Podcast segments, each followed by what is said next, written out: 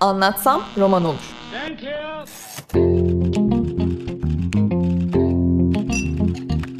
Bazı kültür sanat konuşmaları.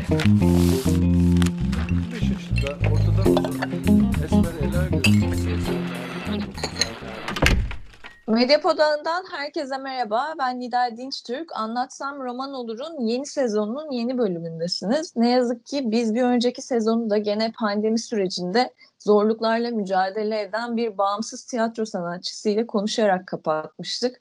Yeni sezonu çok daha iyi haberlerle açabilmeyi isterdim.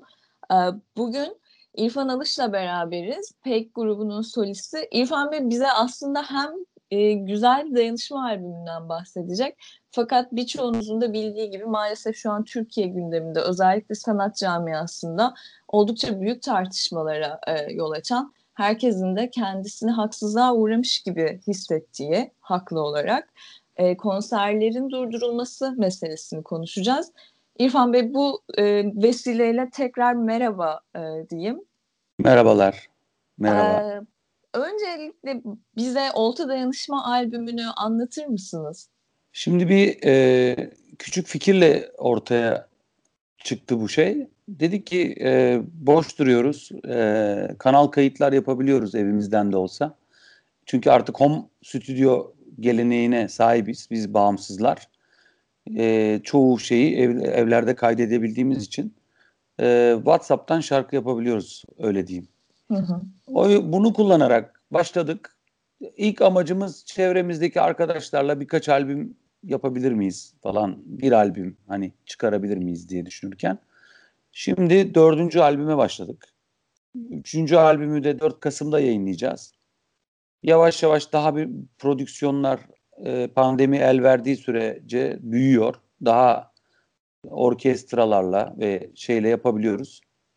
Hı hı. Ne ee, kadar sürede e, geldiniz mesela Kasım'da üçüncü albüm kaydedilecek. Şu anki iki albüm ne zamandır e, var? Ne zaman kaydedilmeye başlandı? Biz bu fikri ilk Mayıs gibi Nisan Mayıs'ta fikirler konuşuldu. Ağustos'un 17'sinde ilk albümü yayınladık. İkinci albümü de e, dördünde Eylül 4'te yayınladık. E, şimdi de Kasım 4'te de üçüncü albümü yayınlamayı düşünüyoruz. Büyük bir aksilikler olmazsa. E, ve sonra devam etmek biraz aralarını açarak iki ay, bir buçuk ay gibi tanıtımda sorun yaşıyoruz çünkü albümleri. Hı-hı. Mesela ikinci albümü çıkarttık. Birinci albümle ikinci albüm arasında bir ay yetmedi tanıtmamıza. Ve çok yazık oluyor tabii. Çok güzel şarkılar insanlar çok dinlemediler açıkçası. Benim beklediğimin çok altında. Sonuçta bir dayanışma albümünün çok daha fazla bekl- olması beklenirdi. Ama e, maalesef 20. yüzyıldayız. Şeyi böyle bir olaylar e, çok kısıtlı. İnsanlar güdüleniyor ve medyamız ne kadar olsa dahi medya desteğimiz de vardı. Bu sefer çok iyi bir medya desteğimiz olmasına rağmen insanlar radyoda dinlemediği için ya da e, okumadığı için bir şeyleri daha çok Instagram'da dudaklarını uzatıp böyle fotoğraf çektirdikleri için başka bir boyuttalar. O yüzden onlara biz ulaşamıyoruz. Çok da aslında dert değil gibi geliyor ama aslında bu büyük bir dert. Hı hı. Ve bu pandemi albümü neyse e, bir imece birden genişledi. Şu anda 300 kişiyi bulduk. 300 insan birbirinden haberdar. Ve bu insanlar tanıştılar, birleştiler, yeni gruplar oluştu. Yeni müzik oluşumları oluşuyor şu anda. Benim bildiğim en az 10-15 kişi, 10-15 grup oluştu. Farklı farklı gruplar, farklı farklı şarkılara başlayacaklar. Ve umuyorum ki bu devam edecek. Yani 4, 5, 6, 7, 10, 20 gelenek haline gelecek. Bu benim ümidim, hayalim. Hepimizin hayali. İnsanlar buna destek verirse bu hayal devam eder. Etmezse de canımız sağ olsun. İşte atıyorum 6 ayda bir tekrar yayınlarız ama bir şeyi bırakmak gibi bir niyetimiz yok. Biz bu fikri tanıtmaya çalışıyoruz. Bazen her şey başarıya endeksli bir toplumda başarının olma ihtimalinin çok zayıf olduğu bir şeyi deneyen insanlara karşı bir acıma duygusu oluyor. Oysa ben tam tersine e, başarıya indeks insanlara acıyorum. Çünkü başarmak birçok şeyden feda etmek gerekiyor. Tabii biz de bu tanıtım için bir sürü kendimce şeyler deniyoruz. Mesela Yarım Kalan Aşklar dizisinin jeneriğini yaptık. E, Alp Yener'le. Alp Yener aynı zamanda Olta'nın içindeki müzisyendir. Onunla bir imece yaptık. Ben ona e, film müziği yapmasına yardım ettim. O da bize şarkı verdi. Sonunda jenerik yaptık bir film için. Tek şartımız da bu jeneriği e, işte Olta'ya bağışlamalarıydı. O film de başladı yayınlanmaya ve tabii bu bizim için bir e, promosyon olacak. Olta albümün içinde biz bunu bağışladık. Film de bağışlamış oldu. Yani iyilik yaptık böylelikle. O da 3 ya da 4. albümde sanırım. Onu da yayınlayacağız. Olta güzel gidiyor. Yani bir bir şekilde bir şeyler oluyor. Gençler var.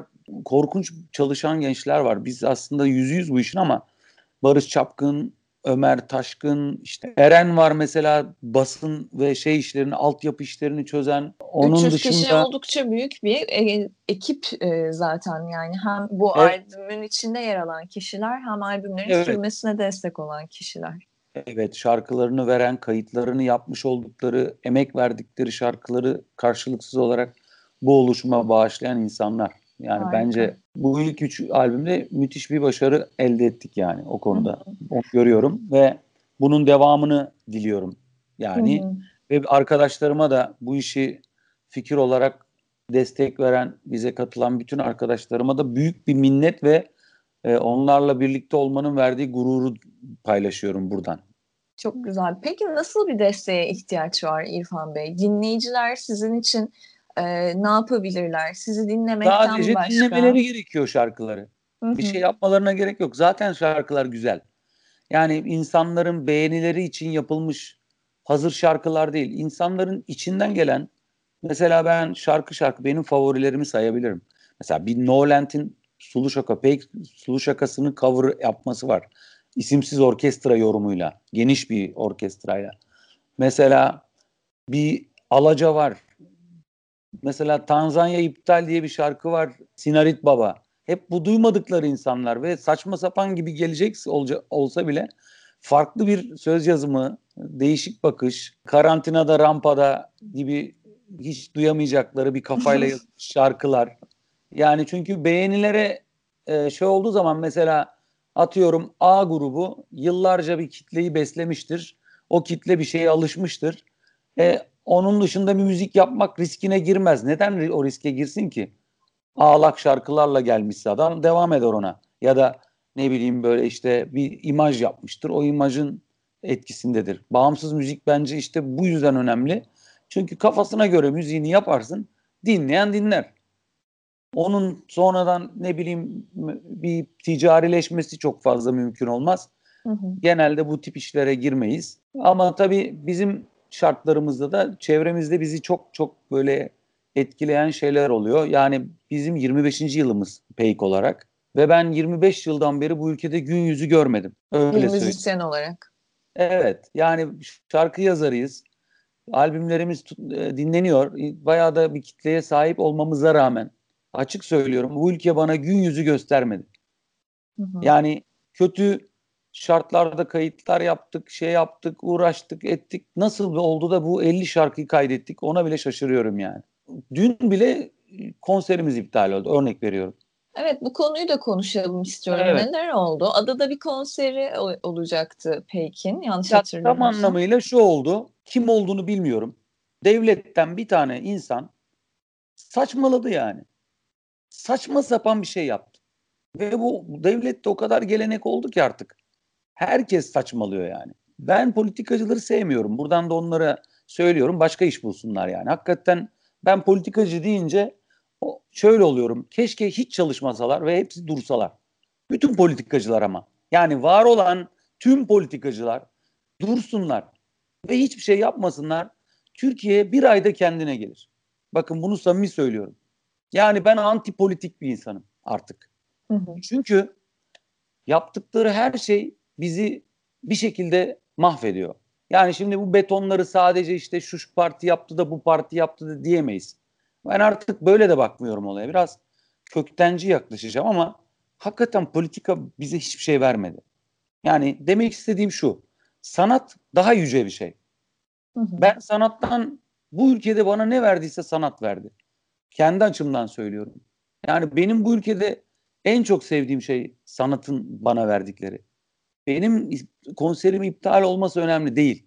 Daha kötü şeyler oldu. Mesela benim konserden üç gün önce genç çocuklarla bu oltaya şarkı veren kişilerle isim söylemek istemiyorum.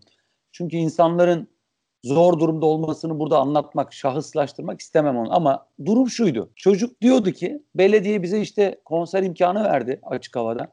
24 tane konser yapacağız. 250 lira günde para alacağız.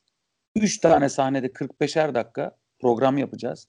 Ve bize düzenli olarak 25 gün 250 lira verecekler.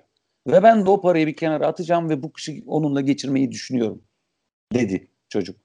Ve dün ben bizim konserin iptaline de, da, üzülmekten çok o çocuğun bu kışı nasıl geçireceğini üzülüyorum. Zaten bu insanlar 8 aydan beri çalışmıyordu. Yani devlet zaten yardım etmiyor. Çünkü devletin yardım ettiği bir sürü şey var. Evet. Ama bize etmiyor. Devletin sanatı sevdiğine de inanmıyorum. Çünkü niye sevsin ki sanatı? Ne işine yarayacak şiir, şa- kitap bilmem ne? Bu adamlar düşünen adamlar yazacaklar. Eleştiren adamı insan para verir mi? Vermez. Ben de olsam vermem. Politikacıyım ya çünkü. Çıkarcıyım. Her türlü yalana sahibim. Ama sanat yalan söylemez. Ve maalesef politikacıların yazdığı da kalmaz. Biliyor musunuz? Şimdi mesela 1400'lü yıllardan haberi kimden alıyorsunuz? Evliya Çelebi'den. Evliya Çelebi bir politikacı değildi. Oralarda gezenen bir yazardı.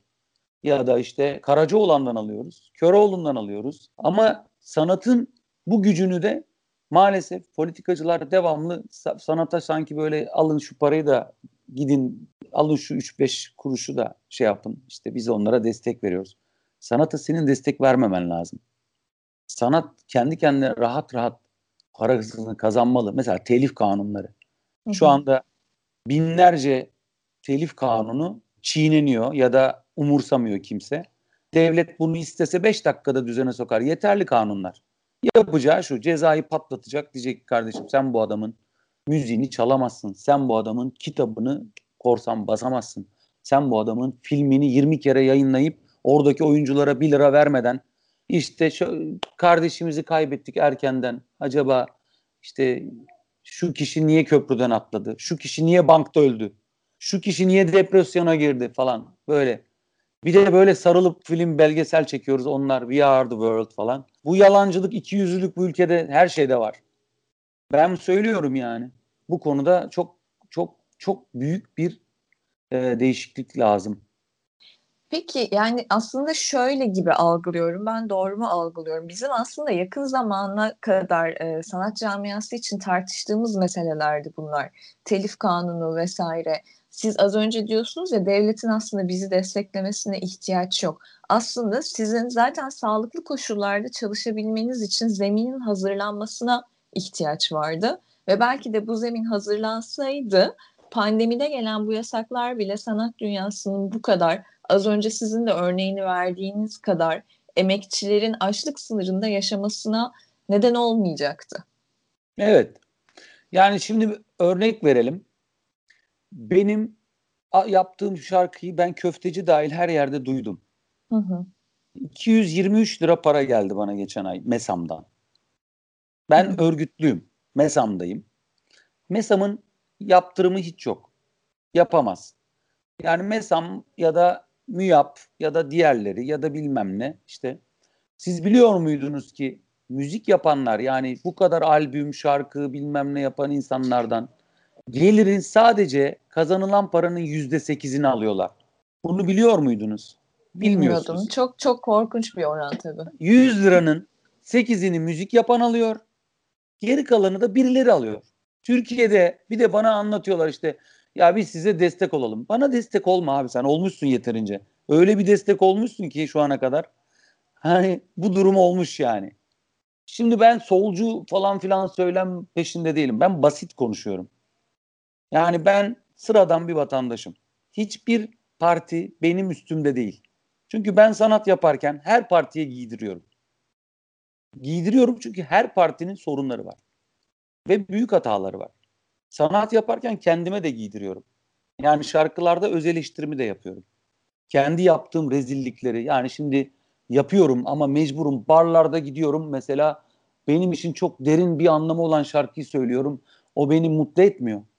Etmiyor yani. Çünkü benim öbür türlü bir konser yapma iznim yok. E, albüm yapacağım. Bir albüm işte atıyorum 40 bin liraya 35 bin liraya mal oluyor. Düzgün bir albüm yapmak istiyorsanız. Gerçek bir davul kullanmak, akustik bir albümden bahsediyorum. E 35-40 bin lirayı cebimizden harcamamız da zor. E teliflerden para gelmiyor.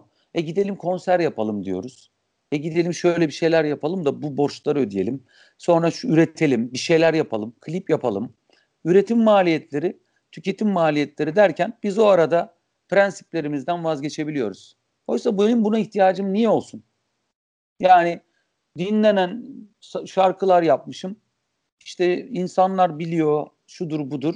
Radyolar çalmıyor, atıyorum. Hı hı. Ya da radyo çalsa bile o telif ödenmiyor. Ya da başka şeyler. Bir sürü şey var. Bunlara da ihtiyaç yok. Devletin zaten bir kültür politikası olur değil mi? Yani kültür para kazanılan bir kurum gibi görüyor devlet. Salonları gidiyor 3 bin 5 bin liraya sana kiralıyor. Yani o salonları sen bana para kazanmak için kiralayamazsın. Halkın e, kültür hakkı bir haktır. Ona ulaştırmak zorundayız hepimiz. Ama ya tabii insanlara... Türkiye'de biz biliyorsunuz bir de bu tip etkinlikler için tüketen, dinleyen, izleyen tarafında mesela sizin konserlerinize gelebilmek için bilet aldığımızda o biletle beraber bir türde lüks vergisi de e, eğlence ödüyorduk. vergisi. Evet. Hala ödüyorsunuz yani. 50 lira bilet kesiliyorsa işte onun bilmem kaç parası bilmem nereye gidiyor, bilmem nereye. Yok işte şuna, buna öyle korkunç bir boşlanmış evlat, kötü evlat, üvey evlat muamelesi yapılmış bir sanat var Türkiye'de. Ben buradan bütün insanlara sesleniyorum. Politikacılar hariç. Sanat olmazsa bir ülkede bunu Atatürk diye dedi diye, diye söylemiyorum. Gerçek bu olduğu için söylüyorum. Sanat yoksa bir ülkede ne ekmek var, ne üretim var, ne rahatlık var, ne tatil var, ne güzellik var, ne iyi eğitim var. Hiçbir şey olmaz. Bunu mutlaka bilin dememiş olmayayım. Göreceksiniz olmayacak da. Bu dayanışmada ben o yüzden diyorum ki yani hakikaten artık bunlara gerek yok. Ölümlü dünya işte bak hastalıklar var, kötülükler var. Ya bırakalım bunu. Sanat her şeyiyle önemli. Bir politikanın altında olamaz sanat. Ya da bir politikacının düşüncesinin altına sığınamaz. Sanat her zaman onun üstündedir, paylaşımdır. Bu ozanlarda da vardır, Aşık Veysel'de de vardır. Aradığın zaman Anadolu'da da vardır, dünyada da vardır. Ben diyorum yani artık yani polisler geldi bastı konserimizi. Yani geldiler saçma sapan durduk yere iptal ettiler. Ben onlara da kızmıyorum. Artık kızmıyorum yani. Diyorum yani adam ne yapsın göndermişler ta vapura binmiş gelmiş konser iptal etmeye. Yani şimdi biz ne anlatıyoruz o konserlerde? Ne anlatıyoruz? Ne yapıyoruz yani? Nedir? 250 kişi gelecekti. Püfür püfür esen bir ortamda mesafe kurallarına bağlı olarak şey yapacaktı. Konser bitti. Evimize döndük. Barış mesaj attı. Dedi ki İrfan dedi şu anda dedi onu da şikayet etmeyeyim yani. Adamı gider basarlar. Onun da işi gider yani. Bir yerdeyim dedi. Bir yer düşünün dedi. 200 kişi halay çekiyor şu anda dedi. Muhtemelen Ve bir düğün değil mi? Kapalı kapalı ortam camdan. Hı hı. Klimalar püfür püfür. Yani tam Covid'lik yani. Virüs olsam direkt oradayım yani. Esprimizi aldılar ya. Yani güzelliklerimizi aldılar. Yani ben hep böyle eski Türk filmlerine bakıyorum. Bir espri var yani. O zaman da hayat zordu. Kişi başı milli gelir bilmem ne. Yani 100 milyon dolar olsa ne olur kişi başı milli gelir ya. Al işte yani Arap ülkelerinde kişi başı milli gelir. Adam sanattan anlamıyor ki ne yapacak kişi başı milli geliri. Yemeği bilmiyor, mangalı bilmez, balığı nasıl çevirilir bilmez, oradaki sanatı bilmez. Her şeyin bir sanat, yemek de bir sanattır yani. Müzik de bir sanat, edebiyat, şiir. Sonra o sofrayı kurdun, orada bir musiki patlatmazsan, orada güzel şarkılar söylemezsen o sofranın ne anlamı var? O sofranın ne anlamı var yani? Gelinen noktada da e, anladığım kadarıyla aslında Olta Dayanışma albümü öncelikle bir mesleki dayanışma sonra da dinleyicilere bakın e, biz bağımsızlar olarak buradayız varız ve hayatta kalmamızı istiyorsanız bizi sadece dinlemeniz, bize kulak vermeniz yeterli e, diyorsunuz. Bu misyonla şimdi korkarım ki salgının e, bu ikinci aşamasında e, atlatmaya çalışacağız. Biz üretmeye devam ediyoruz. Şarkılar gelmeye devam ettiği sürece insanlara da buradan sesleniyorum. Bize yardım etmeyin. Şarkıları seviyorsanız dinleyin, sevmiyorsanız da dinlemeyin. Kimseden bir şey dilenmiyoruz. Kimseye de bir şey için yalvarmıyoruz. Biz bir albüm yaptık, amacımız buydu. İçinde güzel şarkılar var. Paylaşırsanız biz de seviniriz. Paylaşmazsanız da kusura bakmayın. Yani biz elimizden geleni yaptık. Biz denedik mi bunu? Denedik. Yarın öbür gün bana sen bu yıllarda ne yaptın derse ya biz böyle 6-7 tane albüm denedik. Çıkarttık. Bir şeyler olsun istedik. Bir, bir yere varmak istedik. Olmadı diyeceğim. Kendi açımdan kendi sorumluluğu atmış olacağım. Ben bir şey yapmış oldum. Oradaki 300 arkadaşımız da diyeceğiz ki biz güzel bir şeye başladık. Ve insanlara kızgınlıkla söylemiyorum bunları. Gerçek bu olduğu için. Çünkü bizim kimseye yardım edecek ve isteyecek bir şeyimiz yok. Öyle insanlar değiliz. Yani Hı-hı. gerek yok buna. Yani işte bize işte özel bir reklam yapın. İşte bilmem ne. Çok güzel şarkılar var içinde. Ve bu şarkılardan kimse gelir elde etmiyor. Bunun biriktiğini düşünün ve binlerce albümün şarkının gelenek olarak devam ettiğini düşünün. Bir hayal edelim yani birlikte diyorum. Yani düşünün bin şarkı yayınladık. Sonra on bin oldu. Ve bunlar milyon dinlendi. Düşünün yani kimseden para istememize gerek kaldı mı? Gerek kalmadı yani. Evet bu kendi kendini döndüren bir sistem. Sadece tabii ki üretilen her sanat gibi tüketicisine ihtiyaç duyan bir sistem bu. Evet tüketilmediğimiz zaman o zaman ne olacak? Listelere mahkum kalacaksınız. Hep aynı şeyleri dinleyeceksiniz. Açıkçası benim tuzum kuru. Çünkü niye? Çünkü ben müziği zaten hobi gibi görüyorum. Ama hobi olarak görmeyen, meslek olarak gören insanlar şunu bilmeli.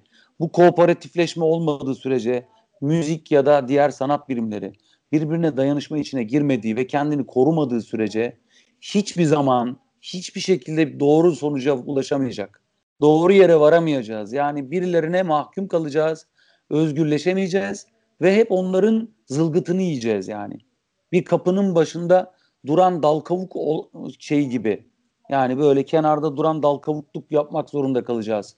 Oysa böyle yapıp bir kooperatifleşsek kendi üretimimizi, tüketimimizi ayarlasak bitecek iş yani bu kadar basit. İrfan Bey çok teşekkür ederim. Ee, bu arada bu kaydı daha sonradan dinleyecek kişiler için de e, not etmek isterim. Bugün e, 14 Eylül 2020 Pazartesi e, İrfan Alış'la Olta Dayanışma albümünü konuştuk ee, ve bun, bununla beraber aslında pandemide Türkiye'de bağımsız sanatçıların ayakta kalmak için verdikleri e, mücadeleyi e, konuşmuş olduk. E, umarım önümüzdeki yazın başlangıcında gerçekten Olta Dayanışma albümünün konserlerini de dinleyebilecek hale geliriz. Ee, yani, adada tekrar buluşma fırsatımız olur. Gerçekten çok kadar. içtenlikle söylüyorum. Çok ihtiyacımız var buna. Valla ben de isterim şahsen. Bu çocukların çoğu sahne görmedi. Yani gençler var, çok gençler var. Biz de tabii katılırız, yaparız da. Hatta oradaki geliri de gider bağışlarız da yani. Çok da iyi olur. Biz artık zaten yani binin yarısı 500 o da bende yok modundayız. Ama umutsuz muyuz? Hiç değiliz yani. O kadar güzel şarkılar geliyor ki kayıtlar. Ben o kayıtları dinlediğim zaman zaten kendi adıma bu işi e, doğru yere vardırdığımızı düşünüyorum. Çok İnsanlar güzel. müzik yapıyorsa mesele yoktur yani. Bu kadar basit. Üretmekten vazgeçmemek faydası. Yani tek bir faydası bu olsa bile çok büyük bir fayda. Kesinlikle. Çok teşekkür ederim tekrar İrfan ben Bey. Ben teşekkür ederim. Sağlıcakla kalın. Siz Kendinize de. iyi bakın. İyi günler. Hoşçakalın. Medyapod'un podcastlerine Spotify, Google Podcast, iTunes ve Spreaker üzerinden ulaşabilirsiniz. Medyapod'u desteklemek için patreon.com slash medyapod.